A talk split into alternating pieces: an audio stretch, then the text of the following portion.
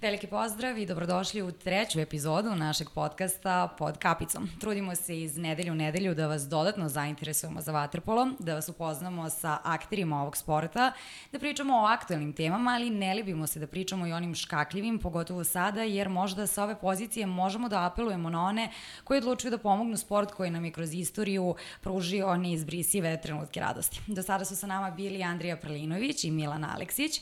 Naše gosta ste svi toliko tražili, ali meni ostaje samo na početku još da kažem da trenutno dovodimo igrače iz nacionalnog tima, pre nego što nam pobegnu u druge zemlje gde grade karijeru u svojim klubovima, tako da to će biti tako i danas, hvala.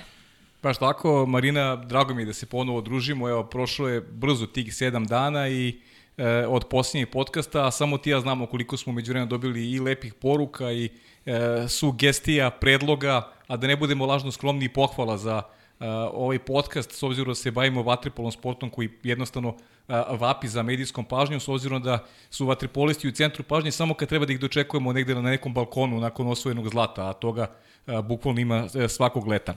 Međutim, ono što jeste priča vezano za vaterpolo, to su potpuno je drugačija, to je neki trnovit put do uspeha koji te momke prati, koliko je potrebno, koliko je potrebno odricanja, jer često mogu da utiču neke prateće okolnosti koje podrazumevaju odrastanje jednog jednog mladog sportiste, mladog vaterpoliste, stvaranje uslova da se talent na najbolji mogući način iskaže kroz, kroz sport i pravilan razvoj. E, baš o tim temama želimo da da pričamo sa današnjim gostom, a po nekom već ustaljenom i praksom i, nekom našom svakodnevnicom predstavit ćeš našeg današnjeg gosta. To realno i nije neka enigma, pošto smo dobili jasne poruke koga publika želi da vidi i čuje. On je pripadnik one slane škole Vatrpola, igrač koji je, kako bi Andrija Prelinović rekao, dobro zasolio slatku vodu i uklopio se u mozaik tima koji sigurno važi za jedan od najboljih u istoriji. On je Dušan Mandić. Zdravo Dušane, dobrodošao. Bolje vas našao. Kako ti se čini ovde kod najavi. nas u studiju pa, Stvarno je prijatno, ovaj, evo prvi put ja, ovaj, ovakav vid uh, emitovanja neke emisije, dopada mi se, stvarno je udobno i prijatno. Nadam se da ćeš uživati.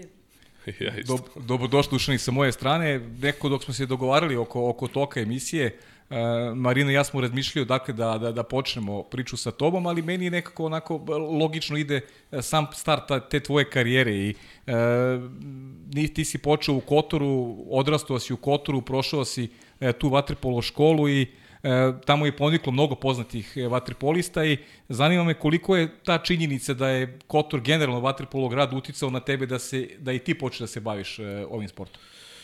Uh, pa Kotor, Kotor je stvarno jedan uh, bio bio je ovaj rasadnik stvarno velikih velikih talenata uh, iz Boke uz uz Jadrana iz Herceg-Novog. Ja sam promijenio pet sportova prije nego što sam upisao vaterpolo, bukvalno sam išao od jednog drugog, ništa me nije nešto pretirano držalo.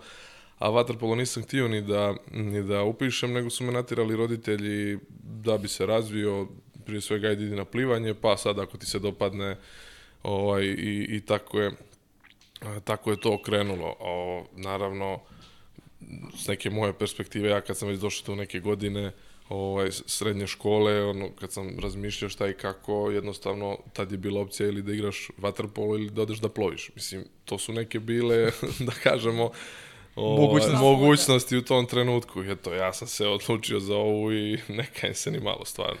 Hoćemo još malo da pričamo o tvom detinjstvu. Bio si srećno dete svakako i na dve, dva grada si odrastao. I jesam, jesam. Ovaj, e, bio sam, o, ja sam djete razvedenih roditelja i ovaj, u Kotoru sam išao u školu i vikendom sam uvijek odlazio kod tate, babe i, i, i djeda u Tivat. Tako da, um, krenuo sam, ovako sam krenuo vaterpolo i jednostavno dopao mi se Uh, uživao sam u druženju, jednostavno u tom odlasku na bazen. Mislim da sam najviše zavolio vaterpolo u Kotoru na, na otvorenom bazenu, tamo na ljetnjem bazenu Primorca, gdje smo mi bukvalno nakon ovaj treninga uh, ostajali, znači, sati i sate, malte ne do, do, do večernjih sati smo ostajali na bazenu, igrali Viktori, igrali 2 na 2, kad nam dosadi to ili kad se umorimo, kad više ne možemo, izađemo napolje, uzmemo nešto da pojedemo i ostanemo i dalje smo na bazenu i igramo karte, igramo ovaj, Briškuli, briškuli i trešete, naravno, to je bilo, to se igralo do iznemoglosti stvarno i, i to je, tu mislim da sam stvarno zavolio vaterpolo. Evo, da. Slike neke. E, da, malo smo gledali malo neke, gledali, pokaži, da. ali evo ja da. da pokažem neke kad si bio mali. Evo, evo gledamo i na to su, ovo su sad, ja sam našao neke slike sa, sa turnira ovaj, iz Zelenike, tu smo osvojili kao prvo mjesto, ovaj, ovo su, eto, ovdje ima jedna slika, čekaj da vidim. A kaži mi, ko je to od tih momaka, recimo iz Kotora, ko, ko se još tu bavi? Ima neki poznat igrač? Ovdje nema niko, nema, niko više, niko više ovaj, ne, Ne osim, osim trenera, treneri i dalje. O, otišli na brod, otišli da. na brod. pa svako je, ima ih dosta, ima ih dosta, ima ih sigurno četvorica koji, koji plove, tako da, a trener i dalje, odličan trener, Mlađan Tujković, bio mi je ovaj, trener dugo, tim mlađim danima, on se i dalje bavi, on i dalje trener. Da. E, pazi, ja sam, ja sam dosta tih, e, kao ono mlađi dok sam i letovo i dosta sam tih utakmica ogledao na tom otvornom bazenu u Kotoru, čuveni bazen otvoren na Kotoru i zanima me ko je od trenera imao tada neki presudan uticaj na, na, tvoj, na tvoj razvoj, a ja sam se i ranije i pripremajući za emisiju čuo od trenera da si ti još kao klinac baš mnogo običavao. E, na, dakle, prije nego što sam došao u Partizan, e, treneri, moji treneri su bili e, Mlađan Tujković, bio je Đuza, čuveni Đuza, ovaj, Vasilije Vučković, e, bio je Mršulja, bio je Damir Matanović, to, e, da li sam nekog zaboravio, mislim da Mio Matković. Mm -hmm. ovaj, ja sam, dakle, prije što sam došao i napravio taj, da kažemo, meni je to najvažniji korak u životu. Ja kad sad sagledam situacije koje sam tom i ono bila, bila velika prekretnica, ovaj, sarađivao sam s njima, igrao sam u, u Valu, u Valu iz Prčnja, mm -hmm. ovaj, tad je Val igrao, ovaj, uh, kako se zove ova, evo, ovaj, Len, Len Kup. Len Kup, Len, Len Kup, odnosno druga liga. Uh, tako da, značio sam mnogo te utakmice. Mi smo išli u Split, išli smo u Zagreb, igrali smo dosta utakmica, tako da to mi je, to mi je značilo. Za Primorac nisam, ovaj, i nastupao sam na tri utakmice Jadranske lige, E, to je zvanično. Ovaj, da. od, od čega sam, igrao sam na dvije, nešto imao sam neku finu minutaž, tada je bio trener Ranko Perović, ovaj, ja na jednoj sam igrao, mislim, minut, zadnji minut sam ono ušao bio, mislim, eto. E sad ti si osvojio sve u Waterpolu, imaš samo 26 godina. A, pamtiš li tu tvoju generaciju iz Kotora? Čini mi se da si rekao da ih nema sada na velikoj sceni. I, ili ima možda neki mlađi ili stariji ko, ko iz tog perioda ko, koji je napravio Pa Nemanja Vico je, da kažemo. A Nemanja Vico. Nemanja Vico je jedini koji je iz te moje generacije iz, iz Primorca, odnosno iz Kotora, da, da si dalje, ja mislim, bavi vaterpolom moje godište. Da, on je čak, on je i tvojim putem negdje i krenuo. On je, jeste, jeste, on je malo kasnije došao u Beograd, ja mislim, da, da. dvije godine posle mene. E, kaži mi ako prekretnica negde u, u, u tvoj, u tvoj, na tvom putu, tom vaterpolu putu je 2010. godina. Tada si donao odluku da napustiš Kotor i, i pređeš u Partizan. Je sad zanima me e, kako se ta cela priča odvijela. Nisam baš siguran da si, da si ispričao uh, nisam do kraja, da si ispričao nisam, do kraja. Pa mislim da nisam ispričao, interesantna je priča i ovo je lijepa prilika da sad uradim. Uh, ja sam, ovaj, to je sve da kažemo krenulo, uh, mi smo po turnirima kad smo putovali s Primorcem, ovaj, mi smo jednostavno, ja sam zapravo vidio i te mlađe generacije koliko je Partizan bio dominantan. Stvarno, znači koji god turnir da smo mi se pojavili, jednostavno Partizan je bio uvijek prepoznatljiv i uvijek je imao tu neku reputaciju. Ja kažem, takav je bio moj utisak eh, dok sam bio djet. I ovaj i ja sam uh, jednostavno onda bio je još jedan momak koji je dolazio ljeti iz Partizana, koji je dolazio Aleksić, momak je moj Ale, Ovaj, on je dolazio, bio ovaj, na, na bazen stalno kod nas je dva, tri ljeta i ono, ja sam bio dušiljen, vidio sam kako je spreman, kako trenira i to sve. Ja mislim, Partizan je imao stvarno jaku ekipu tada, ovaj, vrhunsku ekipu, dugi niz godina i tradiciju i bio je nepobjeđen ono, na banjici ne znam koliko godina, baš držali su, držali su taj bili e, ritam. I jednostavno ja sam došao na ideju da ali to je moja čista inicijativa, rekao sam moja mama, bi mogli da odemo kao u Beograd. Ovaj, ja bih volio stvarno da dođem da vidim kako to Partizan trenira. Znači, volio bi i meni man kaže, ajde evo da vidimo kako da se organizujemo, ovaj, da, da smislimo gdje da budemo, šta i kako. Ovaj, mi smo ocijeli evo, u ovom hotelu Mladost e, tri noćenja. Mi smo rekli, evo, bit ćemo tri noćenja. Mislim, meni mama radila u banci, ovaj, tata je radio u Arsenalu dok nije dok se nije uh, uh, raspustio Arsenal. Ovaj, I mi smo došli na tri dana i gdje sam ja došao bukvalno na bazen, ono, predstavio se, bio je, bio je tu ovaj moj e, kolega. Ja rekao, ja sam taj, taj dečko iz Primorca, ja bih volio da vidim kako, kako vi trenirate, bilo bi mi čast i zadovoljstvo, jel, jel, jel mogu s vama da treniram, tu sam tri dana, došao sam samo ako mogu, bukvalno, eto.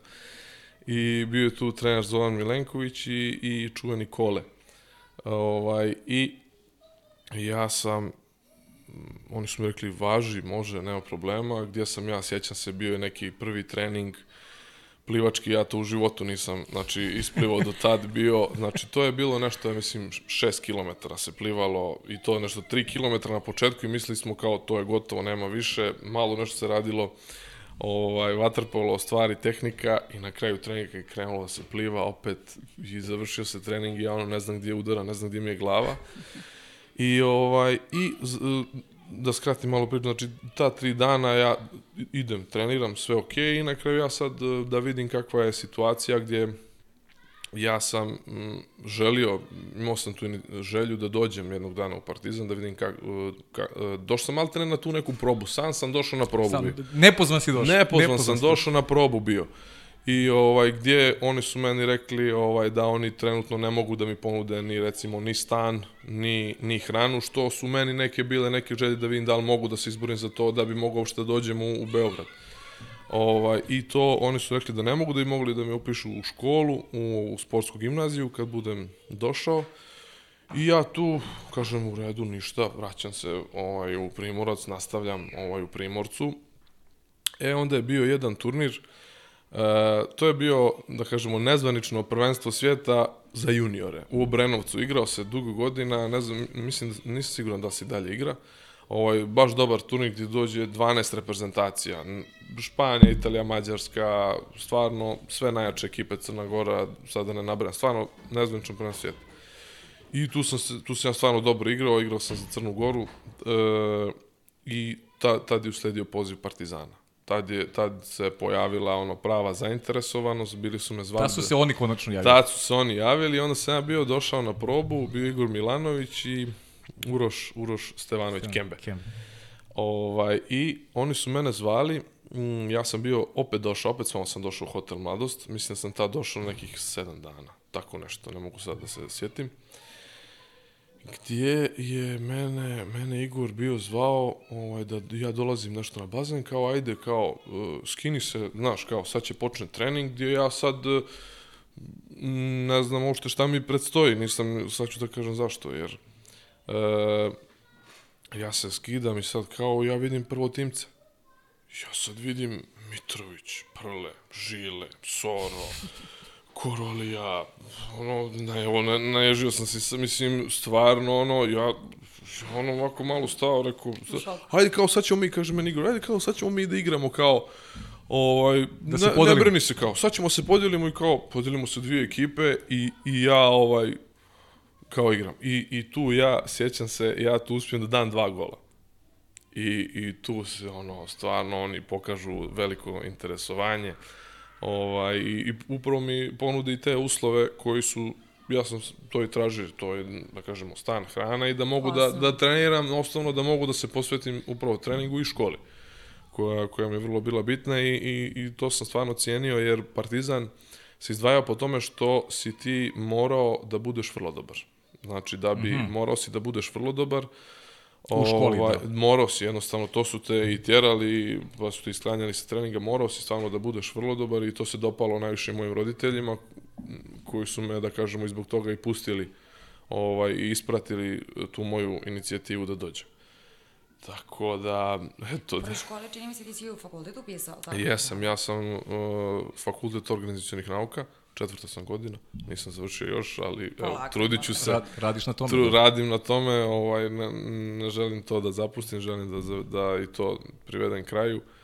Naravno, koliko imam vremena, eto. Može i sport i obrazovanje. Tako, Može. i treba da Mora, bude tako. mora. U Vatrepolu obično i bude tako. Bude tako, da. Ne samo da si izabrao Partizan, nego si odlučio se da igraš i za Srbiju, a ne za Crnu Goru. Da li ti je ta odluka teško pala i da li si možda nailazio neke probleme u toj fazi? E, jeste, to nije bila ni malo laka odluka i ona je uslijedila nekih godinu dana nakon mog Dolaska u Partizan. dolaska u Partizan. Tako je, znači... I nije mi, nije mi tu bilo lako. Imao sam razno razne razgovore i sa trenerima u Crnoj Gori i ovdje. I ovaj, i da kažemo da, da, pošto sad to je ogromna, mnogo je tu razgovora, mnogo je tu ovaj, bilo m, priča, ali tu neki moj okidač, da kažemo, je bio gdje, gdje je mene e, vaterpolo reprezentacija prepoznala i gdje su oni mene zvali bili da ja dođem na trening A reprezentacije. Zna, ja sam imao tad 17 godina i oni su mene zvali da ja dođem ja sam se tu, ono, čovječe, po, u, bilo mi je tad. Ja pričam, sad pričam kako sam razmišljao tad. Ovaj, pa kako me ovi nisu zvali do sad, kako moguće da jedna da reprezentacija Srbije me zvala, o, ja kažem, nisam, tu, tu sam, da kažemo, tu, mi je, tu sam presjekao. Tu sam presjekao, a ovaj, pokušavam da se sjetim sad svega da ne zaboravim, jer, Pa ajde, je, jer je bilo... ška, škakljiva je tema. Škakljiva je, Pretpostavljam, škakljiva je. pretpostavljam da je bilo i, i, i, Škakljiva i je određenih tema, ali evo da se malo sad vratim, sad Koliko da se malo vraćam, da. ovaj, ovo i kad je bilo za, za dolazak u Partizan, gdje su mene, kad su mene zvali, rekli ostani u Primorac, tad pa smo bili rekli, tad je bio Kiš Štajmec, tad je bila ona sjajna ekipa da. koju su osvojili Bili prvaci Evrope. Tako je. I gdje su oni meni obećavali bili, ajde, ti ćeš povremeno trenirati sa prvim timom, ti ćeš, to jest ti ćeš trenirati sa prvim timom, ovaj, povremeno ćeš igrati i ovaj, neke utakmice, poslije su mi pričali neke priče, koje sad vidim da su smiješne, što neću Pazi samo na mikrofon, molim. Mhm. a, koje su ovaj e, nisu se ostvarile. I mm u periodu tih godinu dana, znači nije se ostvarilo to što sam ja, što su oni meni rekli i ovaj onda je uslijedio taj poziv Partizana. E, onda sam ja onda vidio iz svega toga da je ovo ozbiljna stvar, da je ovo ozbiljna e, priča, ozbiljan klub i I onda je uslijedilo to Igor Milanović kad mu bacio u živu vatru, stvarno, ja sam bio tri mjeseca u Banjici, Filijali Partizana. Da, drugi tim e, Partizana i, i onda je on odlučio se da me ubaci i da igram tu cijelu maltene ovaj, sezonu. Sam, mislim da sam dvije utakmice, nisam igrao to prve dvije, a ovo sam igrao sve utakmice gdje on mene, to mi je jednostavno nevjerovatno samopouzdanje, ne, to mi ta godina mi je toliko značila i sam ja bio godinu dana uz pobjednički tim, na kraju se ispostavilo, pobjedili smo proreku u finalu, Da. ovaj, gde sam ja tu kroz tih godinu dana izuzetno sazrio, izuzetno ovaj, mi je to značilo u, da napredujem. Da, A da se, e, ovaj, što se tiče taj prelazak sam nije mi bio, nije mi bio lagan. Nije mi bio lagan, jednostavno, dijete si, jednostavno, mm, ne znaš ti tu šta je sve, kako, šta možda očekuješ, kako i sve. Ovo je bio tu neki moj okidač i ja se stvarno ne kajem zato što sam prešao ostvarili smo proteklih godina to što smo ostvarili i da kažemo pokazivalo mi se iz godine u godinu da sam iz, napravio pravu odluku i taj dolazak u Partizan i, i ta odluka da igram za reprezentaciju Srbije jednostavno svake godine je bila neka potvrda potvrda da je to to. Da. E, ti si čak igrao malo, evo gledamo neke slike iz, iz, iz nekih perioda, naravno, Uh, ovo je šta beše, ovo, Ovo je Beograd, Beograd. ovo je Beograd, da, jeste, Beograd, jeste, arena, zaista nezaboravan e, spektakl i titula prvaka Evrope, pričat ćemo nešto kasnije, reprezentacija Srbije koja od 2014. nema poraz na prvenstvima Evrope, što je zaista neverovatan podatak i ja ga stalno ističem kao Da, primer neverovatno. neverovatnog niza i, i, i te potvrde kvaliteta koju ima ova generacija. Kažem, ti si čak malo igrao za Crnu Goru, ako se ne varam neka u, Ja u sam- 20 reprezentacija da si da si ja sam igrao posljednje e, što sam igrao za Crnu Goru, to je bilo svjetsko juniorsko prvenstvo. Ja nikad nisam nastupao za reprezentaciju. Da, to znam, to znam, da. Znači, posljednje je bio, bio je taj Obrenovac i posle tog Obrenovca je bilo to svjetsko juniorsko prvenstvo gdje smo mi izgubili od Srbije za, za treće mjesto u, u Šibeniku. Ovo je tako. O, tako To je da. koja generacija? 91. Tu sam ja igrao za tri Za- godine starije. Za, za tri godine stari. Da, da, da.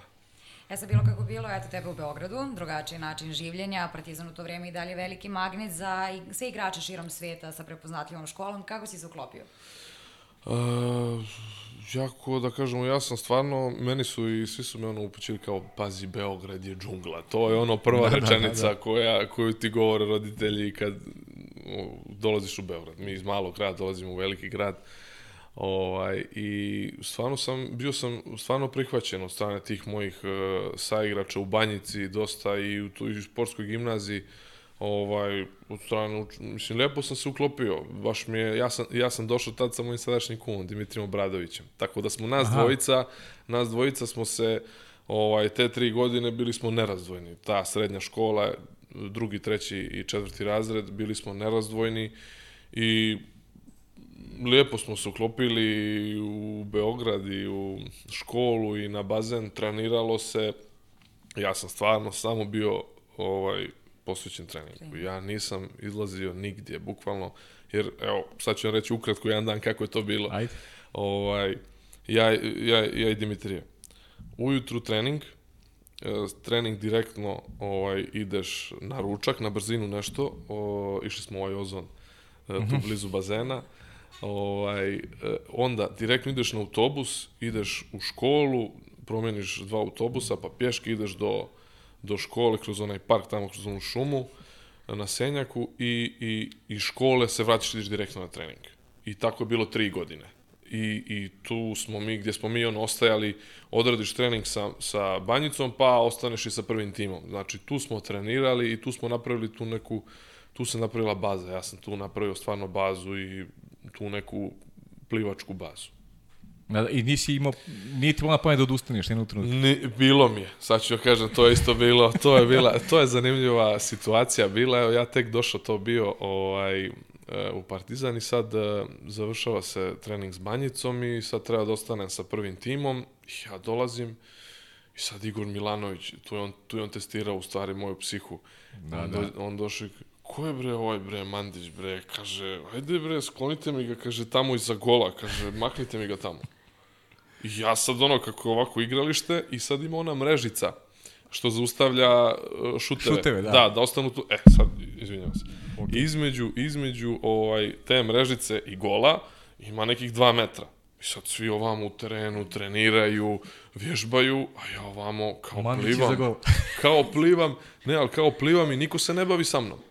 Znači, ja sad kao tu plivam i gledam njih što oni rade. I niko se ne... I, I to je trajalo jedno sedam dana, tako gdje je meni prolazilo kroz glavu sve i svašta šta je ovo, gdje sam došao, šta je sad ovo čovječe, koja je sad ovo priča.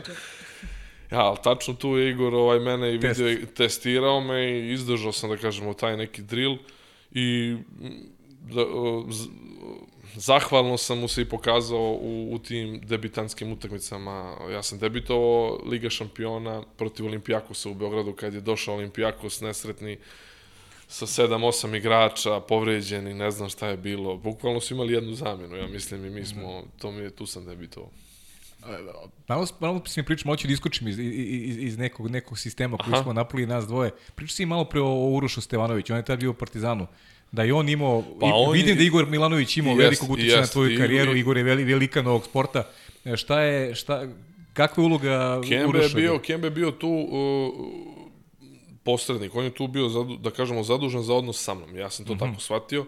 Ovaj, gdje je on jako bio prijatan sa mnom, bio me, ne znam, od me kući bio, dao mi je kapicu Partizana, onda jedno me sačekao, kaže, izađi, izađi, kaže, nešto sam ti donio, ja ono, izađem, ono, oprema ovako partizanove, partizanove opreme, kofer jedan i sve majice, kupaće kapice, gdje je to meni u tom periodu sve. Da, da, da. Bukvalno, eto, stvarno je... Da, def, Imao je, imao je, imao je utice, imao je utice, imao je, imao je. Taj prelazak u Partizan je definitivno neki, da mogu kažem, i neki odlučujući korak u, u tvojoj karijeri, na putu tog razvoja. Uh, naravno da su veliku ulogu imali i, i sami igrači. Kasnije ste, kasnije ste postali i saigrač u reprezentaciji. Oni su te prihvatili i sigurno i oni dali uh, vetar u leđa da se brže uklopi što kroz Partizan, a kasnije i kroz, uh, kroz reprezentaciju. Uh, jesu, jesu. Andrija isto mi je bio podrška, ovaj, sjećam se, svi su stvarno bili, uh, bio, bio sam stvarno prihvaćen, ja sam stvarno tu trudio, ja sam bio, izuzetno sam poštovao sve, znači ta hjerarhija i to, ja sam stvarno, a, baš sam im ukazivao poštovanje maksimalno, tako da oni su da kažem, i zato su i bili, ja mislim, i, i fini prema meni, i razumeli su tu moju situaciju, da sam ja i mlad, jako i nezdrao i šta ja znam, ne znam ništa, došao sam tu među njima i stvarno su imali u, onako neku starijeg brata, neku, tako da, su se da. nekako ponašali. Eto. Pa to vas i krasi neku generaciju generalno, taj ti, očigledno, to se vidi kroz, kroz utakmice, ta, to, to neko poštovanje koje postoji među vama, generalno je i bitan preduslov, najvažniji stvari preduslov za, za, za, za nešto se zove uspeh. Jeste, jeste, apsolutno, apsolutno.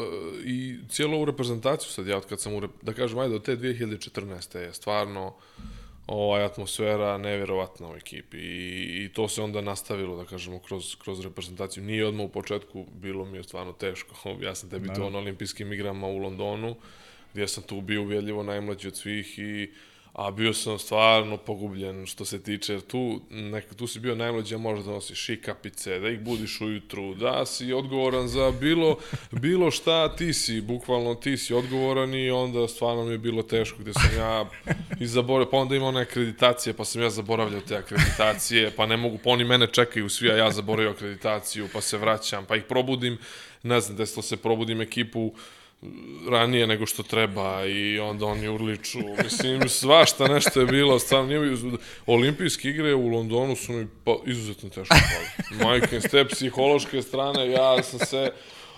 Uf, uf, katastrofa, majke. Pričat ćemo te Pričat ćemo opet, pričat, imamo tu još tem. Imamo tu toliko anegdota. katastrofa. Vidim da ti sad nije prijatno. Katastrofa. Majke.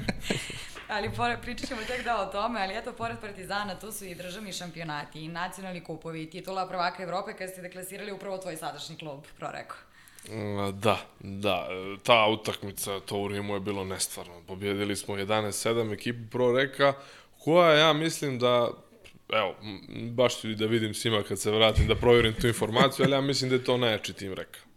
Ja mislim da je to Zato što su oni tu, bukvalno, mislim da su imali kao dvije ekipe. Bukvalno, ono, imali su 15 stranaca i još malo manje italijana. Ali, mm, kako smo mi to uspjeli, stvarno se stvorila hemija nevjerovatna, ovaj, sjećam se i tu sam stvarno bio onako u mnogo mi je značilo što sam vidio kako su kako je to sve kako se tu ginulo jedan za drugo kakva je tu stvarno se baš se stvorila hemija nevjerovatna nevjerovatna i tu sam vidio kako to treba.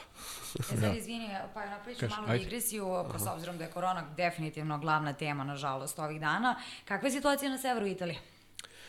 A, pa ja sam otišao iz Italije 1. marta i tad je bila loša situacija gore u Lombardiji, ovaj, gdje je ono i krenulo. E, imao sam tu sreću, stvarno sam na vrijeme otišao s porodicom kolima iz Italije i onda smo iz Beograda bili smo, odigli smo utakmicu svjetske ligi u Beogradu i ja se tu povrijedio i ostao sam, nisam otišao za Grčku s ekipom i on, mi smo onda otišli u Crnu Goru, bili tamo tri mjeseca. Tako da ja sad, da kažem, e, čuo sam se sa igračima koji su tamo, oni su, svi su u Liguri, iz, iz Proreka. Bila je, bila je tad situacija teška, sad je bolja, sad je bolja, ovaj, i oni već od juna reprezentacija Italije trenira u, u, u tom najjačem sastavu da kažemo tu su oni ispred ispred da, malo ispred nas. Malo više. Malo više, ovaj gdje su sad evo mene je sad uh, trenutno loše zato što sad mislim da ja sam jedan od rijetkih koji trenutno ovaj nije angažovan. Jer ima Mađari su pošli u Mađarsku jer im je kup i to. Ovi sad um, reprezentativci i Italijani su skupljeni, Španci i Hrvati skupljaju se. U, Hr u Hrvatskoj je takođe igra, da. igra tako da, da i dalje. Čuki tamo, u, da u trenažnom su procesu. Ja sam bio došao iz Crne Gore bukvalno 10 dana i to sam bio ono uvođenje nakon te velike pauze. Opet sam sad pauzirao i sad opet moram da se aktiviram. A što se korone tiče, ja se nadam više, ja ne znam dok li će ovo da traje. Mislim, svima je dodijalo, ali ne, ne nazire mi se kraj. Iz ovoga što ja sad vidim, ne znam kako, to je jedino vakcina, neka drugo, ne znam. Morat ćemo da živimo s tim, ja bar mislim. Da. E, sad kad smo, izvini, još jedno samo pitanje Ajde. zapravo rekao, sigurno se te često pitali da li ti je dosadno u gradiću koji ima manje od 10.000 stanovnika, ali sad je došla i beba, tako da možda i bolje. Tako je, meni nije dosadno, meni taj rekao je, ovaj, to je jedna sredina slična Boki, može da se usporedi, mali grad na moru, ovaj, E, klima odlična, vrijeme. Da sam zimi po 15 stepeni može Tako da Tako je, nema, uopšte nema minusa nikad u, i uvijek kad je ne znam koja zima, to je neka jaknica ili bude nešto par dana, ali nije to ništa strašno. I naravno sad e, mislim da će mi tek, tek prijati ovaj, sa, sa bebom i svi ćemo biti na okupu, tako da vjerujem da će biti dobro. Da, malo ćemo se kasnije dotaći još reka iz mm -hmm. percepcije igrača s kojima si igrao, trenera koji su trenirali.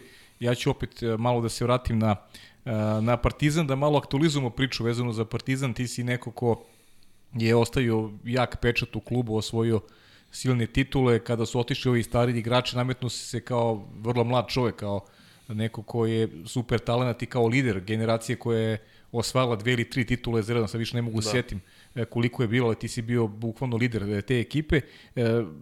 Kao jedan od bivših igrača zauzio se i za stanje u klubu koje tražite da se hitno promeni, da se spasi što se spasti može, pa kako ti gledaš na tu celu priču i koliko je realno da Partizan neko dogledno vreme pa stane koliko toliko na, na, na zdrave noge?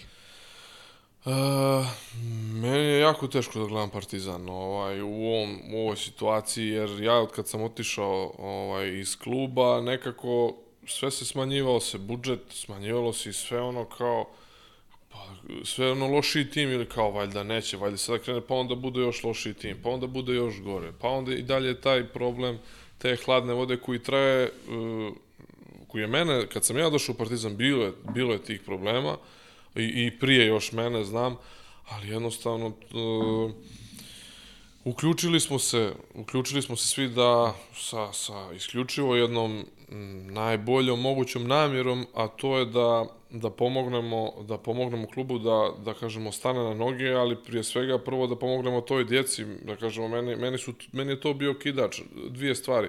Da, da se stvarno uključim u sve to, jer volim Partizan, igrao sam za Partizan, Partizanu sam se afirmisao, znam šta je meni Partizan dao, ovaj, i jednostavno, gdje je djeca, bilo je nekada 800 djece, u klubu sad ih je 70, da pet mjeseci u ovoj godini niko nije trenirao na banjici, gdje djeca samo odlaze i odlaze, ako nema mlade djece, ako nema, šta će biti, ko će da bude u klubu, mislim, ugasit će se Tako da, eto, mi smo se tu skupili iz te, da kažemo, čiste namjere. Čiste namjere jednostavno želimo da izazovemo da se desi nešto pozitivno. Znači, ne, ne, svi mi igramo, niko neće sad da tu uleti da zauzme neku funkciju, fotelju, tako. funkciju, nismo se zbog toga uključili, nego isključivo ovaj, zbog te, da kažemo, čiste namjere, da se djeca vrate. Znači, da bude što više djece, da bude topla voda. Osnovni uslovi. Osnovni, ba, ba, ba, bazične stvari.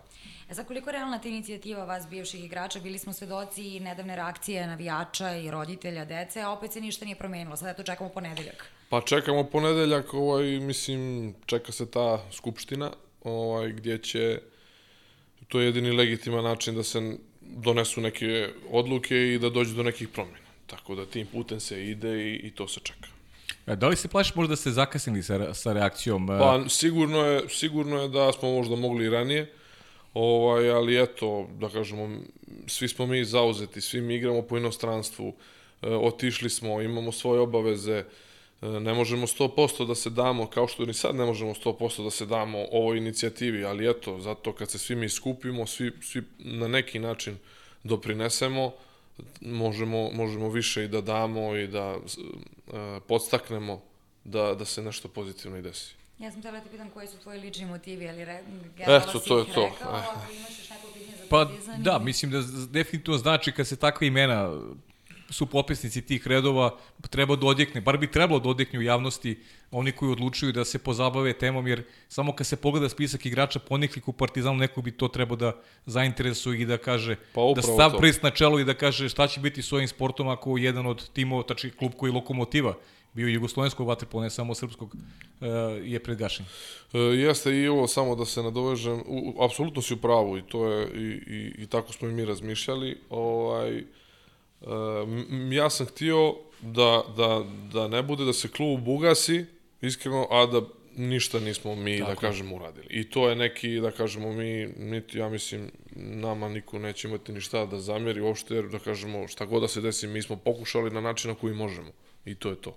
Da, ja samo kažem u, u Marinu i moje ime, e, apelovat ćemo uvek za bilo koji klub, ako se nađu u sličnoj situaciji, Znači, potpuno je nebitno da li je Partizan, da li je drugi, postoji sada nešto se zove i klubovi izvan Beograda koji funkcionišu, koji postoji dobre rezultate, dakle svaki klub koji se nađe u sličnoj poziciji, e, trudit ćemo se da pružimo maksimalnu podršku i da neko čuje reči vaših igrača i nas ovde da da ovaj, ovaj sport trofej koji je najtrofejniji u Srbiji da sačuva status koji ima. Jedino može ukoliko baza bude uh, onako zdrava, da klubovi da budu zdravi jer kroz klubove se rađaju najbolji igrači kao što si ti recimo stasao kroz Partizan. Hvala vam na tome, nema što da vam kažem. Hvala vam na tome drago mi je stvarno da se bavite ovom emisijom, rekao sam ti na, rekao sam na početku. Ovaj, tako da samo napred, lijepo da se neko bavi vaterpolom, gdje ljudi nas vide jednom godišnje 12 dana, ljeti kad je neko prvenstvo i to je to. Svi smo van, van države, uglavnom smo svi van, sad se polako vraćamo, ali se vraćaju neki ne zato što je bolja situacija, nego zato što je lošija zbog korone i zbog uticaja na, na, na globalni uh, vaterpolo svijet, gdje su propali klubovi i teška je situacija i jednostavno pojedini igrači će, će se i vratiti u Srbiju. Ajmo sada pređemo Mando lagano na te repestivne teme. Ti si debitovao za reprezentaciju Srbije na olimpijskim igrama 2012. godine. Od tada si preskočio u stvari nisi preskočio nijedno veliko takmiče, ti si igrao na svim. Nisam preskakao sam svetske lige. Svetske lige, dobro. Ne, ali, ali, svetske lige tako sam preskočio. Ali si igrao da. na svim evropskim svetskim šampionatima, olimpijskim igrama. Odigrao si preko 200 utakmica, postigao skoro 300 golova, Nije loše što bi rekao onaj italijanski novinar Novako Đoković. Pa nije loše, mislim, ja stvarno ne bavim tom statistikom. Jednostavno, e, nisu te brojke nešto što mene čini srećnim, niti to nešto što ja težim da, da ispunim. Jednostavno, želim da, da osvojim. To je glavni motiv je da osvajamo, da imamo dobru ekipu, dobru atmosferu. E, jednostavno, to, to su prave vrijednosti, to je prava stvar. Nisu brojke stvarno bitne. Tada si se u Londonu okitio bronzom, ali četiri godine kasnije u Riju već je zasijalo zlato na tvojim grudima i malo se ljudi seća da si u tom finalu sa Italijom igrao sa upalom uha i postigao četiri gola. Ali ćemo da se vratimo na 2016. takođe. Tu si imao još veće probleme. Sad može da pričaš malo ono što smo govorili 2000, 2016. Na, to je ta sezona klubska, 2015-16. Ja prelazim u Pro Reko, novo za mene, opet nešto, da kažemo, vrhunske, vrhunski tim, vrhunska ekipa, nova sredina, prilagođavanje i sve to. I išle su stvari nekim svojim tokom, da kažemo. Do nekog tamo maja, uh, pardon, aprila nekog, pred taj sam kraj sezone, gdje sam ja ovaj, imao nekih zdravstvenih problema zbog kojih sam mjeseci po dana ležao i bio pod antibioticima i gdje sam se ja tu jedva vratio i u klub da završim tu sezonu. Završili smo, osvojili smo e, prvenstvo i kup, nismo osvojili ligu šampiona. Ovaj, međutim, kako nema pauze između klubske reprezentativne sezone, ovaj, odmah su usledile pripreme s reprezentacijom koje ja nisam mogao da, da budem i da počnem, gdje sam ja preskočio više od pola priprema.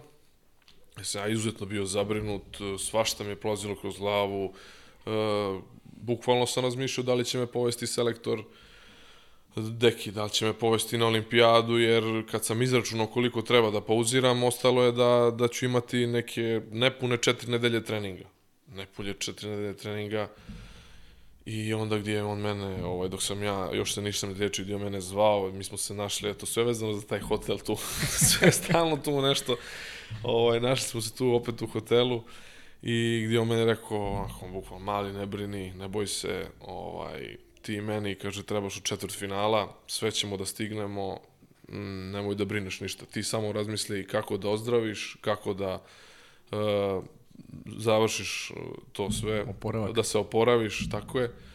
Gdje sam ja tu se smirio dosta, samo se fokusirao na to i gdje sam ja sa nepune, sa nepune tri nedelje E, nepune četiri nedelje treninga otišao na olimpijske igre i, i bila nam je ta grupna faza kakva nam je bila. Ja sam se mučio isto da se vratim i u taj neki ritam i da uđem i stres i pritisak olimpijskih igara i sve je to o, tu je najveći pritisak, najveći stres i to adrenalin, ne možeš ni da spavaš uveče i baš i to nakon svake utakmice i gdje su nam onda napravili nam onaj raspored prve dvije utakmice najvažnije u grupi s Grcima i sa Mađarima u 9 ujutru. Da, da. To znači mora da ustaneš prije šest, da doručkuješ, da se spremiš, a mi stvarno smo se pokazali da nismo jutarnji igrači. Ne. Znači nikako, nikako nam ne idu ti jutarnji. Ti pekarski termini ne, ne idu nam ti termini nikako, ali smo uspjeli da izborimo nerešen rezultat. Pa smo izgubili od Brazila. Ti sa, ti sa pričaš o, o Riju, sad o Riju, pričamo o Riju tako je, vreme. tako je, pričamo o Riju, pa smo izgubili od Brazila, gdje smo ono, došli, došli smo do granice da više nema, ne može da se, pa smo imali onaj težak meč sa Australijom, gdje smo pobjedili jedan gol pred kraj, nešto, sjećam se Jakša dao gol sa stative. E, I onda dolazimo, ulazimo u tu fazu, četvrtfinalnu fazu, dolazi nam Japan koji mi nikako nam ne, le, mislim, ne leži, do, dobit ćemo mi njih, ali se umoriš, oni igraju taj neki modern, neki novi, potpuno, on, oni su autentični po toj igri svoj i ovaj gdje gubimo na poluvremenu 5-2 od Japana. Znači Sjećam gdje se. nema katastrofa pred nama je ono debakl, Ponor, ne, ponor. ponor, bukvalno da e, tu smo se mi izvukli i podigli se. Ovaj, I onda je usledila ta utakmica, tačno četvrtfinalna utakmica, gde ja se tačno sjećam pred ulazak u bazen, ovako, deki me ono zagrli ovako, kaže, mali vreme je kao. Znaš kao, pošto bukvalno sam se, mučio sam se do tog momenta i tu i onda tu i mene krenulo, tu sam on dao četiri gola i krenuo sam, da kažemo, u tu, vrat, nekako, vratio sam se tom nekom svom stilu, da kažem. Ne bitno što sam dao četiri gola, ali svakako da golovi ti, ti podižu samopouzdanje i sve. Mislim, naravno to, mi smo učeni da to kreće sve od odbrane, ali naravno i goti da određenu dozu samopouzdanja. I tu smo, tu smo, tu smo onako stali na noge. Znači, posle Španije, tu smo videli, e, sad smo posložili kockice, sad je sve kako treba, gdje je ona došla Italija koju smo vodili 6-0, mislim, polufinale Jeste, da. olimpijskih igara, vodiš 6-0 ekipu. Nebitno što smo mi posle završili 2-0, ali to smo mi balansirali, mi smo tu kontrolisali cijeli meč, Da, da. gdje su sudije nalivale mnogo ovaj za njih, gdje smo mi imali brdo isključenja, nama su svi bekovi ovaj završili napad, sjećam se, igrao sam, igrao sam tad beka, malte ne skoro cijelu utakmicu. Ovaj, I dolazimo do tog finala koje, eto, meni je to uvijek se lijepo sjetim. Stvarno, uvijek ga se lijepo... Ako ništa drugo. Ako uvijek ga se lijepo sjetim, osvojili smo to, svi smo toliko željeli to i nosili smo to breme i to pritisak i od naroda i od svega i od tog četvrtfinala smo se, da kažemo, opustili i krenuli da igramo i baš smo odigrali dobro to finale. E sad, pošto mi od cijele te generacije iz Rija tražimo da ispričaju svoju verziju, ispričao nam je i Milan Aleksić, pa bi možda mogli da čujemo i pitanje koje ima. Ajde, ajde. Hajmo. Evo, pitanje za Mandu. Da li zna i da li još čuva krompir iz Rija? Ovaj, e, da, zanimljiva, zanimljiva situacija e, gdje bila je ta grupna faza kad nam nije išlo uopšte. Izgubili smo od Brazila. I gdje meni Boba Nikić e, dolazi i kaže, Mando, imam nešto za tebe. Kaže, neko šta imaš, Bobo? Kaže, evo ti, kaže, ovo čuvaj ovo do kraja. kaže, čuvaj ovo, evo ti, ja još ono ne vidim šta mi daje. Kaže, "O- mi obećavaš, kaže, da ćeš da čuvaš. Ja rekao, čuvat ću, brate, samo da nam krene, brate, čuvat ću. Šta god da treba. I ona gledam, on mi daje krompir. I sad, ja sam stvarno čuo taj krompir, na kraju smo se smijeli kad smo osvojili, kaže, eto ga, vidiš. Ja sam ga čuo jedno dvije godine, sam ga čuo, bukvalno i on je krenuo da klija tamo, ovako ja rekao, dosta je bilo, odradio je on svoje, to je to. E, a šta si mi, re... šta si mi rekao? Da si očekivao od Miće jedno drugo pitanje.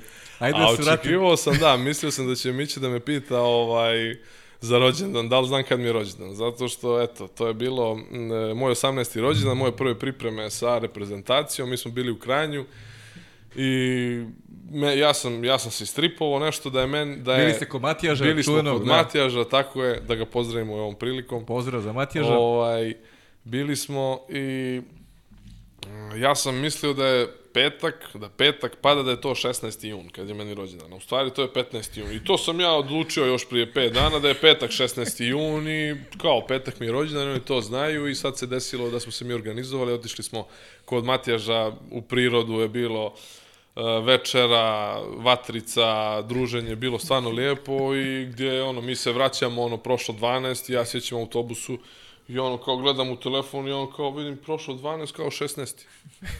I ja, ja ono, gledam oko, mislim se, hoću li da kažem, a reću šta, šta sad, re, reku, ljudi, ja sam zezno, reku, rođendan mi je danas, nije bio. I sad tu dolaze reakcije razno razne, ovaj, neko misli zezanje se, ja, se tu, ja sam tek došao tu i sad ima i doza nepovjerenja određenih igrača promenu, šta radi ovaj mali na svom zeza, kao, kako ti nije, pa šta ti nije, pa kako ne znaš, ja tu, izvinite, izvinite, bilo mi neprijatno katastrofa, ono mi bilo odjednom kad oni napali. I onda su tradan opet torta, evo ga, slava. Još jedno. Kojivkova ja slava. Kojivkova slava. I ja onda rekao, pa ništa, rekao, šta sad, dva puta. I onda je opet bio, ponovio se neki put. O, pošto uvijek mi pada rođendan kad smo s reprezentacijom svi zajedno, okup, okup. I onda se desilo, dešavalo se da slavim. po dva dana. Po dva dana slavim i to, to šta. Sjajno, a kaži mi, e, za London si ispričao priču oko povrede ili... ili E, ne, za London nisam, nisam imao... Ajde, kaži mi. Ne, ne, ne, London e, jednostavno... U Londonu je bilo sve okej, okay, London je da kucam bilo sve okej. Znači, o, ovaj Rio je bio sporan. Rio, Rio je E, bio. znaš šta kad si već pričao o Rio, uvek sam, te, uvek sam to htio da te pitam, onako iz, iz, per, iz percepcije gledalaca, neko, gledalaca, neko ko nije se nikad bavio vaterpolom, ali redovno pratim sve, sve, što, sve što je vezano za reprezentaciju i uh, uvek, mis- uvek sam neko imao utisak za tebe, da neko uvek ulaziš sporije uh, u takmičenje, da uh, deluješ nekad i nevoljno, toliko da i nerviraš nekad čak, A onda kad dođu te odlučujuće utakmice, neka zvera eksplodira u tebi, ja ne znam kakva je to transformacija, kao da si rođen za te najveće utakmice, za te najveće, za najveće događaje. Da- Velika transformacija kad krenu utakmice za medalje. Kako Pa, tumačiš? e, pa ja, ja imam, da kažemo, imam neki pristup, e, jednostavno, koliko god jeste, kreće evropsko prvenstvo, ili svjetsko, ili olimpijada, ali znam da mi neće, leti, neće nikome da odleti glava, ni meni, u grupnoj fazi. Mislim, neće ni kasnije, Neće ali kasnije, jednostavno da. se, jednostavno posle kad dođe to, četvrtfinale, polufinale i finale, to jednostavno, Ja ne, meni je to drugačije, ja ne mogu da pristupim toj utakmici isto kao nekoj bitnoj utakmici, nebitno kakav je rival. Pa eto, to je bio primjer, recimo, Svjetska liga u Beogradu ovaj, sa, Hr sa Hrvatima, recimo, gdje tu nisam mogao da se snađem, recimo, eh, a onda je bilo došlo to finale pod kišom, pod ludilom, pod eh, Dodao si neki- navijanjem, da, da, neki svim živim i onda sam tu, eto, tu mi se desio taj bum. Ovaj, ne znam, daj Bože da, da ostane tako i dalje, tu nema šta ti kažem. Držim ti fige da ostane. mi fige da ostane. Hoću da znaš uvek. To, to. Hoćemo da pređemo na Gavanžu. Na... Ajde, ajde, može, može, može.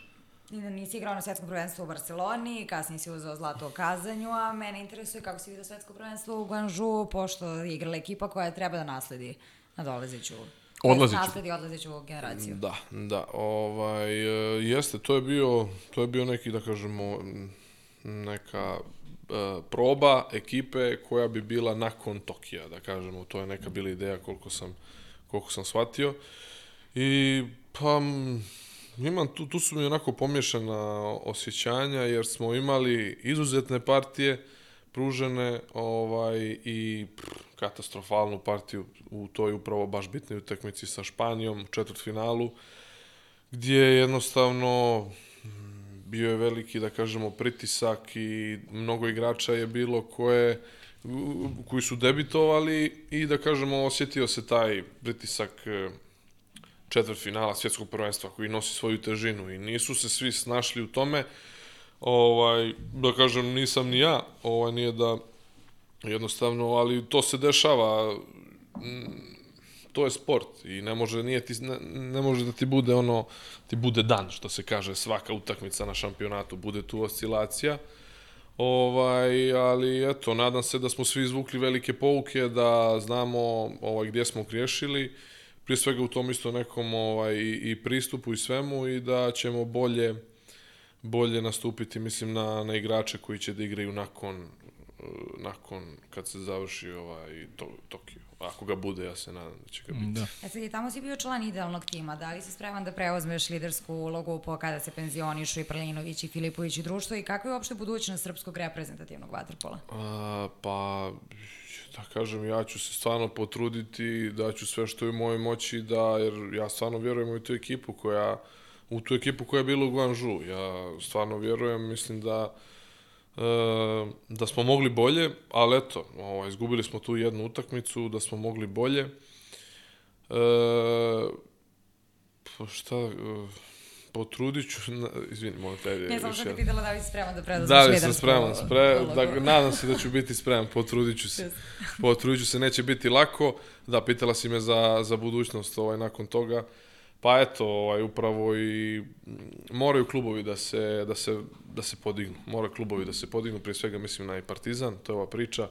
Mora da se podignu i da, da, da kreće da se opet pravi ta baza, da sve funkcioniše, da se sve imaju uslovi, da se radi kako treba i da krenu ponovo da isplivavaju ovaj igrači, šampioni, ali ne može se postati šampion ukoliko se ne dođe do tog e, kvaliteta. Ja meni je mnogo lakše bilo e, neuporedivo je meni značilo više kad sam ja došao u prvi tim Partizana gdje su sve bili legende ili Tako je. nekome sad ko dođe u Partizan gdje su sve juniori gdje su svi, gdje uvijek fali neki stari igrač i onda se obično si dovede koji će tu da drži neki autoritet, da bude primjer drugima kako i šta treba da se, da se radi u klubu. Ovaj, ali budućnost je neizvjesna. Nažalost, nažalost je neizvjesna. Mislim da eto, mi, mi ćemo biti, mi smo pokriveni za još jedan olimpijski cikl sigurno. U to, u to nema sumnje, ja u to vjerujem, e sad vidit ćemo, vidit ćemo dalje. I, I opet, neće nam biti lako, stvarno, sad odlaze, leg- kad budu otišle legende, možda i najuspješnija generacija, i da, da ih neko, mislim, Da ne hvališ da, sebe, ne samo njih. Dobro, ne, ali stvarno vrhunski igrači, sad kad dođeš ti sad na njihovo mjesto, jako je tu teško i svim drugima koji dolaze, jako je tu teško sad biti bolji od toga. Jako je teško i mislim ja ne sumnjam da će svi da se potrude i da i da i da će svi da grizu maksimalno da ostvare najveći mogući uspjeh u na svakom takmičenju, na svakoj utakmici. Eto, neće nam biti lako.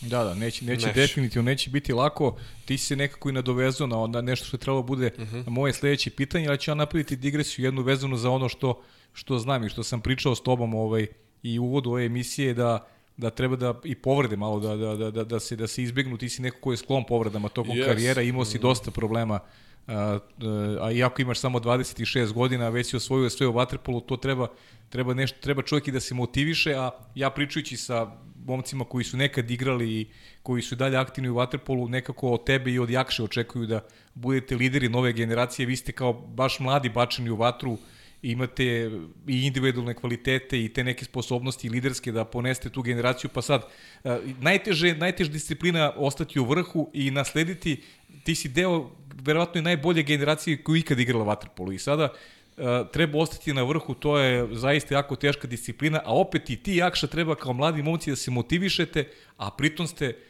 osvojili sve što se može osvojiti u vaterpolu. E, Pa ja ne sumnjam da ćemo i tu da se motivišemo. Ja tu nemam uopšte nikakvu Da. dilemu, zato što je stvarno čast igrati za reprezentaciju i I tu uvijek ne treba neka posebna motivacija. Koja god utakmica da je u pitanju kad si igra za reprezentaciju, tu stvarno nema dileme. Ali eto, mislim, odgovorio sam ti dio, bit će nam stvarno dosta teško. Uh, daćemo sve od sebe, nadamo se da će se u narednom periodu i popraviti ta klubska situacija u Srbiji. I Eto, To je ključno, da. to je Ja, sad kad smo već kod generacija koje silaze sa scene, jer kao što si rekao, očekava vas Tokio naredne godine, onako navijački, mi, vi ste nas toliko razmazili da mi uvek očekujemo samo zlato, može li Srbija da odbrani zlato? Uh, pa nadam, pa u stvari vjerujem. Ja stvarno vjerujem u ovu ekipu i u, mm, da, li je, da li nam odgovara to što se olimpijada igra sledeće godine, pa iz moje neke perspektive nam ne odgovara, ali mene to uopšte neće pokolebati niti moju sumnju, niti vjeru u ovaj tim i, i u ovo i, i u naše zalaganje i u pristup svemu tome. Vjerujem da će stvarno svi htjeti i da završe svoju reprezentativnu karijeru, mislim na starije, na najbolji mogući način i da tu neće stvarno biti nikakvih kalkulacija, da da ćemo se stvarno, stvarno potruditi i idemo, ja kažem, idemo, mene, ja, ja stvarno nisam sustezao da kažem, ja ne, idemo da branimo zlato, ja tu nema sad uh, priče, nema tu sad uh, neke, Uvijanje neko, nekog da. uvijanja, idemo da branimo zlato, jednostavno znamo ko smo, znamo šta smo, desilo nam se sad da na dva velika takmičenja ovaj smo nismo uzeli medalju, bili smo peti na evropskom, peti na na svjetskom prvenstvu, jednom ovom kombinovanom sastavu, jednom u najjačem.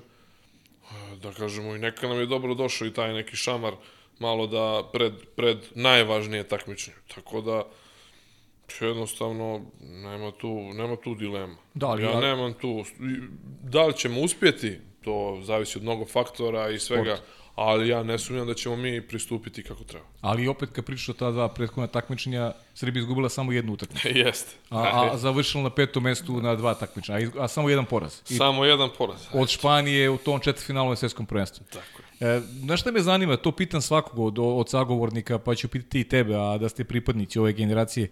E, šta je to što vas krasi? E, kakvi su, osim toga što imate i individualne kvalitete koje ste podredili kolektivu, neko, meni delo onako sa strane, kad god vas vidim negdje u grupi, da, su, da, da zaista po, među vama postoji jedno ogromno poverenje, da e, deluje mi da se nikad ne posvađate, a, a da li je baš tako? Evo, vidimo jednu, slike. to, to je ta slika iz Rije koju je Vanja sad iskoristio, ovo je ne znam da li je donio, da li Mića donao ili Andrija, mislim Andrija da je donao uh, sliku iz Rija. Evo ako vas vidi čovjek, zaista deluje da ste jedna jedna skladna grupa, a verujem da ipak nekad u nekom trenutku Sevno i Varnice, mnogo vremena provite zajedno tokom godina. Pa, sjevno, sigurno. Sjevno, dešavalo se. Dešavalo se, ali uvijek se to stvarno riješi Brzo? Brzo, brzo. Nikad tu nije bilo nešto da to traje. Dešavalo se jednostavno tenzije, pritisak Naravno. je, znaj, kad je, ti posljednji treninzi, kad se radi taktika, kad sve mora da se izvede kako treba, pa se desi greška, pa onda varniči se jer uh, da se dovede ta koncentracija u tom u tom ni, nivou kojem, kojem treba.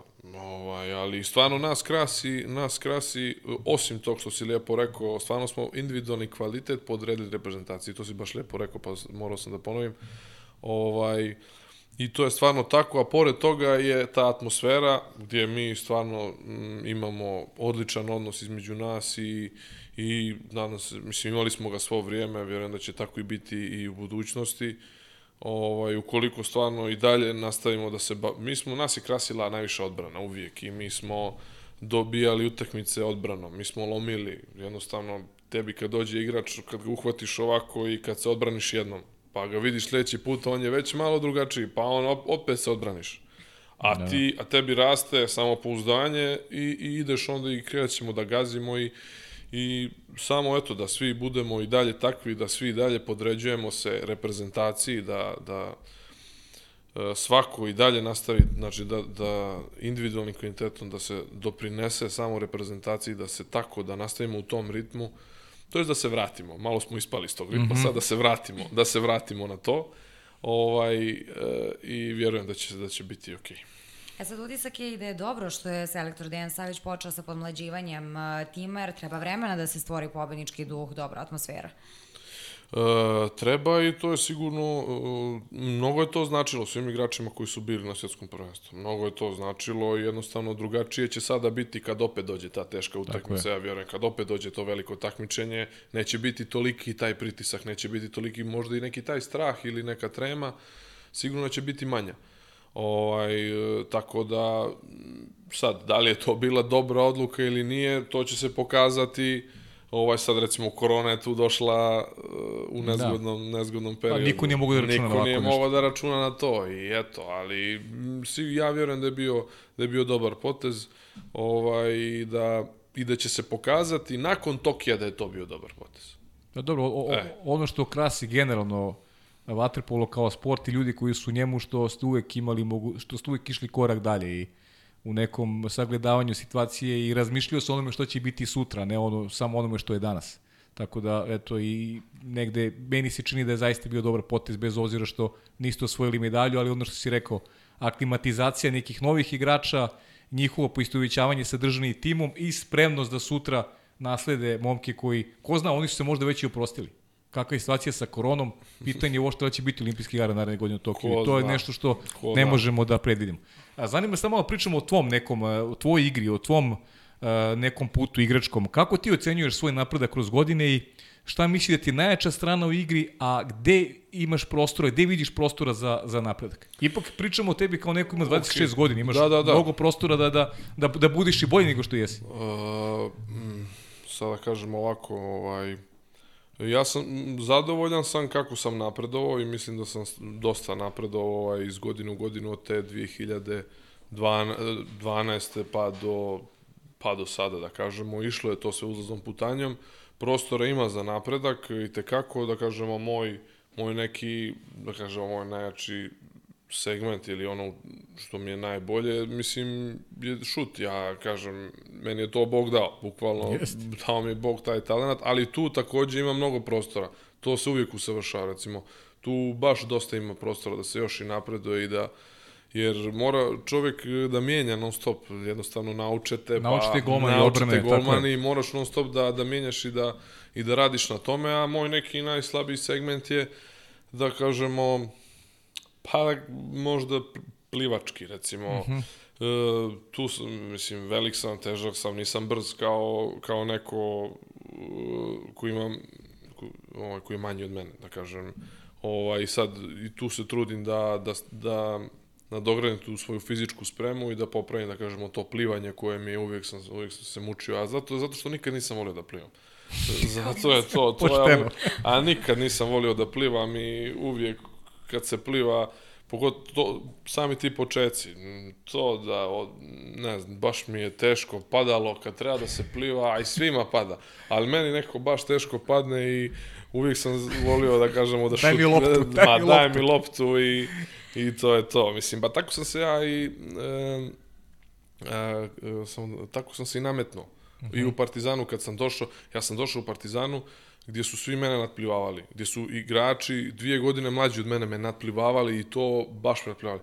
E onda kad dođe lopta, e onda ja tu mogu sad malo dalje i da, mislim, E sad kad smo već kod uh, lopti šuteva, meni su impresivni oni tvoji golovi iza leđa i naučila sam da se to zove šrauba. jeste. E, kako ih izvodiš? Je li to neka posebna veština ili... Pa jeste, to je recimo, to je moj omiljeni šut. I to je nešto čemu sam, da kažemo, posebni, to sam njegovao kroz karijeru, ostajao bi posle treninga i izvodio bi e, taj šut na prazan gol dosta nebrojeno puta i to mi je nek, to mi baš volim taj šut i svaki put se divim kogod da ga, da ga da, stvarno mi je, to mi je, to Da, je da. ovaj baš, e, nije ga, nije ga lako izvesti.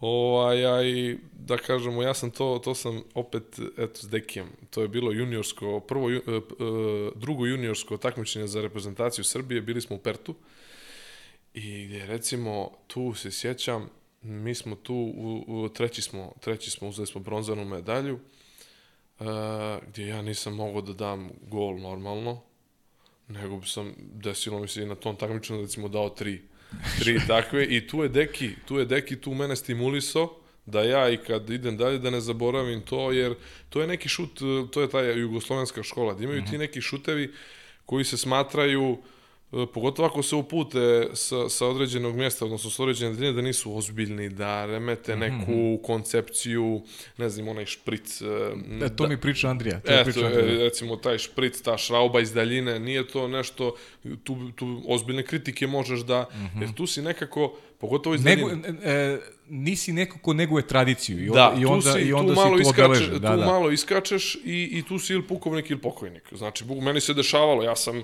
ja sam u finalu, ali jednostavno jer vuče me, ja kažem, vuče me da, da šutnem to, ali kad, su, kad osjetim, kad Da, da. to posjećaju, stvarno posjećaju. Pa šutno sam isto u, u finalu protiv Crne Gore, samo što sam pored gola ovoliko prošla, ali jednostavno mora da se Da. da, se i promaši da bi se da bi Pa posle dao si Hrvatskoj nešto ovde, ono finale dao Svjetske sam, lige jeste, dao neki, dao sam tu i u finalu olimpijade. I final, sam, tako e, je. Tako Be, da, bez, bez veze takmičenja.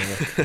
ali mora da se, mora isto da se promaši, jednostavno ne, ne može šta sad, ja sam sad promašio, dešavalo mi se, mislim, da ispadnem smiješan, ali to, to je jednostavno, mora da se prođe. A to je kvalitet, to je kvalitet i trenera, kao god da se zove. Kako u ovom ne? slučaju Dejana Savića, kad, kad, kad ispoštuje neki kvalitet, neku, neku posebnost koju igrač ima, a, da ga ne ugnjetava zbog toga što je to neka njegova vrlina, da mu ne ubija tu vrlinu, nego da mu omogući da ispolji. I to je nešto što, što trener koji ima njuh, koji ima znanje, koji, koji pre, prepoznaje. Da, tu, tu se on razlikuje baš dosta od dosta trenera. Da, to je pohvala za... Baš, jeste, jeste. Baš ću ovo da zapati i pričat ćemo sa njim mm. za, za dve nedelje na tu temu. A kaži mi, ovaj, kako gledaš na, na konkurenciju trenutno, ne samo trenutno, nego eto, kroz, kroz bavljenje tvoje vaterpolom, neki će reći da je, da je najveći klasik e, meč Srbija-Hrvatska, imali smo i onako periodično a, rivale, Srbija imala rivale i u Španiji, i u Italiji, i naravno Mađarska koji je veliki rival, neko je Španija u posljednje vreme onako negde knedla kost u grlu s obzirom da je Srbija izgubila dve vezane utakmice od Španije na dva velike takmičenja, pa da li je Španija ta koja će biti najveći rival ili i da li si pri onom stavu da je ipak Hrvatska najveći rival Srbije i da je to najveći derbi koji gledamo posljednjih deseta godina? Pa, e, to je, da, to je ono vaterpolo klasik stvarno i svi su tu pod e, određenim, posebna je to utakmica kad se igra i sa Hrvatskom i sa Crnom Gorom, to su posebne utakmice, ali svakako da sad najviše glavobolja nam zadaje Španija i pristupit ćemo, ja, ja ću se tako postaviti ovaj, u sledećem meču sa Španijom, stvarno, dosta mi ih je, ovako malo mi ih je dosta, stvarno. Stvarno mi, mogu misliti koliko smo se mi drugima popeli na glavu one tri godine kad smo, mogu da mislim, pa znam i sad ja isto vidim, pa ono, hoćeš da, da jednostavno, do, dosta je bilo. dosta, Dosta je bilo te Španije. Dosta je bilo Španije, potrudi, oni su izuzetna ekipa i bit će baš teško i ovaj, neugodni rivali. Šta je kod odvaja? Neko plivanje?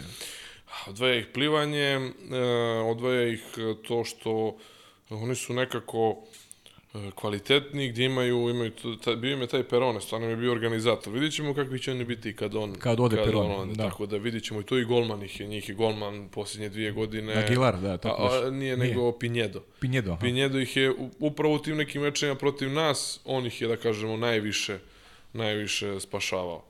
Ali, mislim, Španija ti je rival koji ti je došao glave, a koji ti je igrač došao glave? S kim si najviše vodio bitke u bazenu? O, pa to je teško, stvarno. Of, uh, s kim sam najviše vodio? Da li pamtiš neki udarac koji si dobio?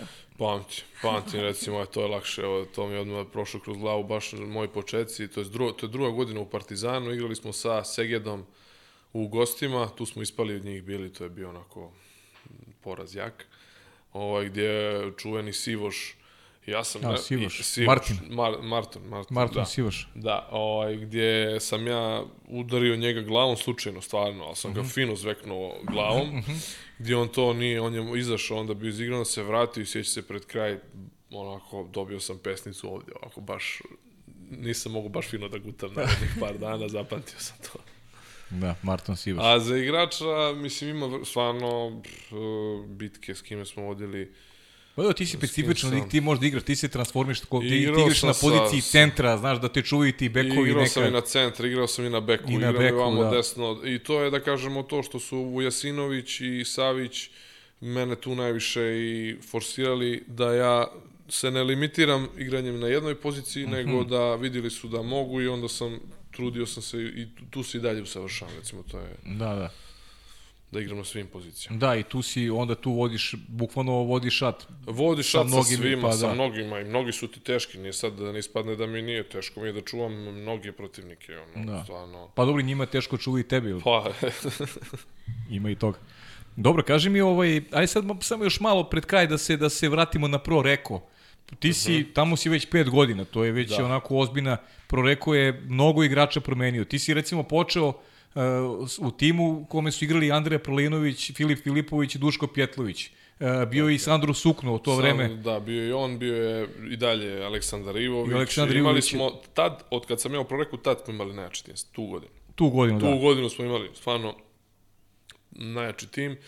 Ispali smo od Juga u Budimpešti u polufinalu na peterce, na kraju to je ta to je ta bila sezona, tu sam ja bio i s povredom i onako i onako nisam bio ovaj Mhm. Fit, baš nisi bio fit. nisam, nisam bio uopšte tako da je se meni ta povreda desila, pa sam se ja vratio, pa sam igrao I onda, kad se završilo klub, opet mi se nanovo desilo i onda još gore bilo, tako da, mm -hmm. eto, nećemo to više. A kaži mi kada, kada pričamo o proreku, imao si priliku i tamo da radiš i da, da, da treniraš, Maltene je proreku mala reprezentacija sveta, iz godine u godinu mogu i da se smenjuju igrači, ali uvek su to igrači top kvaliteta. Pro rekao je sebi uvek mogu da priušti da dovede najbolje moguće pojačanje, a da dovode najbolje trenere. Imao si priliku da radiš tamo opet s Igorom Milanović kao što si radio u Partizanu. Radio... Nisam, nisam ja. Sa Igorom ne, a di si? Sa Igorom ne, ja sam došao posle Igora. Ti si posle Igora došao. Ja sam došao posle Igora, uh, bio sam, bio je Amedeo Pomilio, mi je bio Pomilio, trener da. godinu dana. Ti radiš se u Vladom Ujesinu i si radio Dvije sa Ratkom Rudićem. Ko je tih trener ostao Rad... najbolji utisak tamo? Ko? Uh,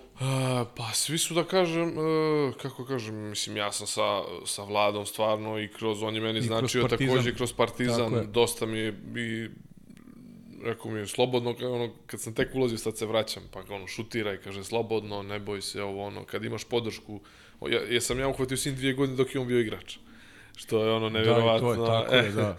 ovaj, baš, e, ostavio je, mislim, i da kažemo, svi su ostvarili isti učinak što se tiče rezultatskog smisla, jer se nije osvojila Liga šampiona. Dešavalo da. se jednostavno, sportski se to desi, e, zaređale su se te četiri godine da uvijek nam je izmicala ta Liga šampiona i jednostavno ovaj meni je zadovoljstvo bilo sarađivati ovaj pa mislim sa Vladom sam i sarađivao u Partizanu tri godine i to dvije godine s njim tako da s njim znamo se sve nije bilo nikakvih tu problema ovaj, e, pomilio, to je bilo, ne, to mi je bila ta prva godina, tu je bilo onako malo da kažemo, ne znam, ali do, mislim ne može ti biti idealno gdje god da dođeš i čovjek to treba da prihvati, negdje će ti nedostajati, ne znam, minutaža, negdje e, novčani uslovi negdje, mjesto ti ne odgovara, negdje hrana, mislim ne možeš jednostavno da da, da imaš sve. Savršen, ne može da, da bude savršeno, čekaj, stvarno nigdje. Čekaj, kad pričate o hrani, da. da li jedeš fokaću? Jedem fokaću. Pomislim sad, evo, za vreme korone pomislio da sam mogao na fokaću dosta puta. Da, da. To je bilo ono kad si došao još, ono, sećam se tog perioda da su, da su stalno ovi stariji jeste, jeste. da jednog jede fokaću, ne može se... jeste, jeste. Mislim, meni odgovara stvarno Italija što se tiče uh, baš dosta stvari mi stvarno odgovara. Ovaj, u Italiji. Eto, to mi je motiv, stvarno mi je motiv da, da dođemo i do te Lige šampiona, to je ono... Sa Rekom. Sa Rekom. Sa Rekom, to je ono što, što mi je stvarno velika želja i eto, opet sad novi trener, opet drugačiji malo tim. Ovaj, vidjet ćemo kako će biti, bit će zanimljiva sezona. E, nadam se samo da će normalno da se igra, da će sve biti, da neće opet nešto da se desi pa da... Jer evo, mi ove godine smo trebali da, da idemo na final Eight, da. u reku. U reku, da, znam. Baš u reku. Da, tamo baš na, smo, na, na otvoren bazenu. Na otvorenom bazenu i baš, ono, baš smo htjeli, to ono bio motiv stvarno veliki da u reku probaš da i da osvojiš, eto, ali mislim pitanje opet da li bismo osvojili, naravno, pa, naravno, pa, nego eto, to. nego eto, peh. A kaži mi, a, a čime se hraniš generalno, držiš dijetu?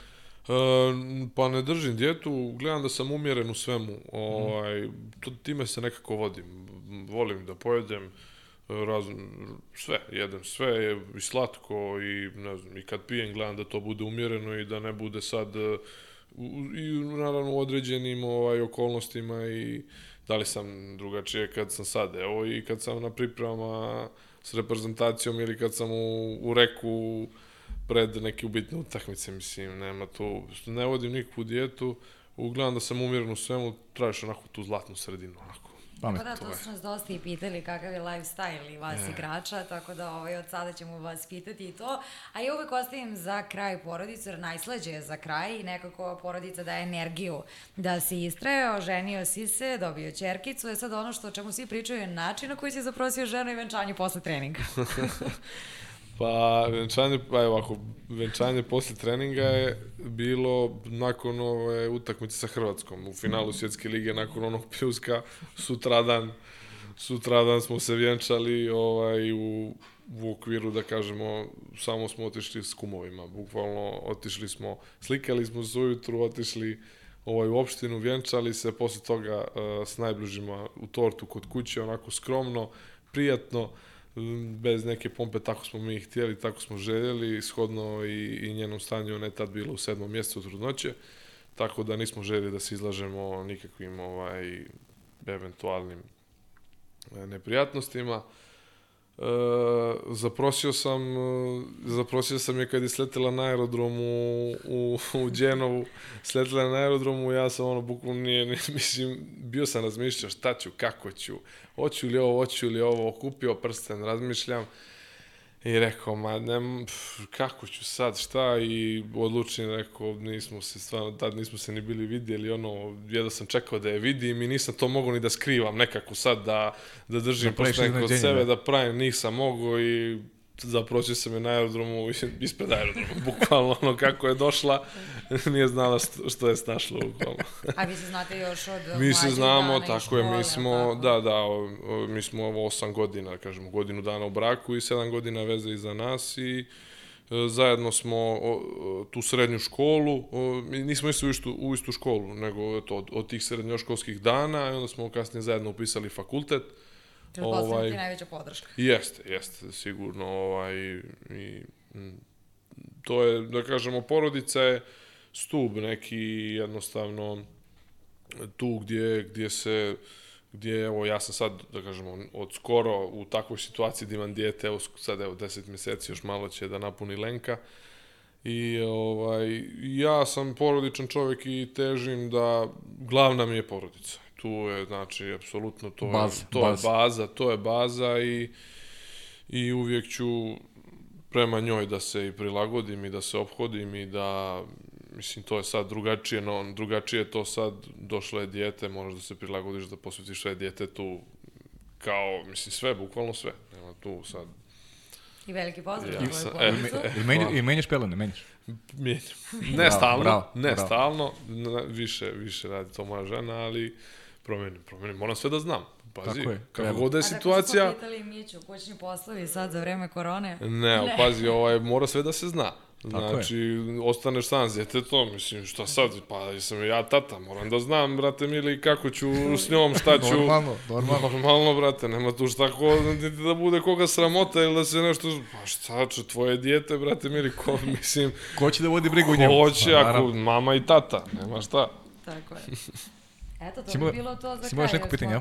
Pa u principu sam ja pitala sve ono što mene zanima, jer da. porodica je Mando, definitivno ili, im- najvažnija. ili ima nešto što te, što te nismo pitali nas dvoje, a ti bih hteo da kažeš? Ma, mislim da, mislim da smo stvarno dosta toga rekli, ovaj, ne znam. da Nešto li- što je, nešto što je važno, nešto što je Nešto važno. da smo preskočili sad, možda i jesmo, ali eto, bit će opet neke prilike, Ne, pa ćemo slušaj, spomenuti ne, nešto. ne da će biti prilike. O, o, o, ja ovo zovem tvoje prvo gostovanje. Ti si neko ko će da bude lider u budućnosti ovaj, o, o, ove, ove nove generacije e, delfina koji će pokušati da zadrža ovaj nivo reprezentativnih uspeha.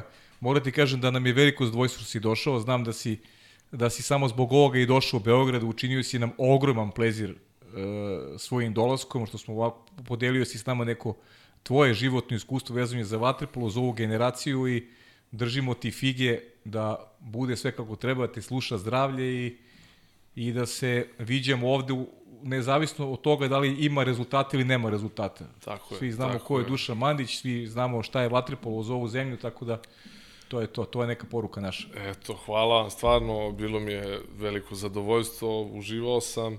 Ovaj, i eto, nadam se da ćemo se češće viđati i da, eto, drago mi je da ste, da ste se aktivirali u podršku Waterpola i u promociju ovog sporta koji meni je dao sve u životu i mm, ja, eto, trudim se i dalje da doprinesem njemu i trudit ćemo se i svi mi. Da li će biti rezultata ili ne, ne može se uvijek biti na vrhu, to i ovakva generacija kakva je sad, pa eto, pokazalo se da se ne može biti non stop u vrhu i u drugim sportovima ima milion primjera.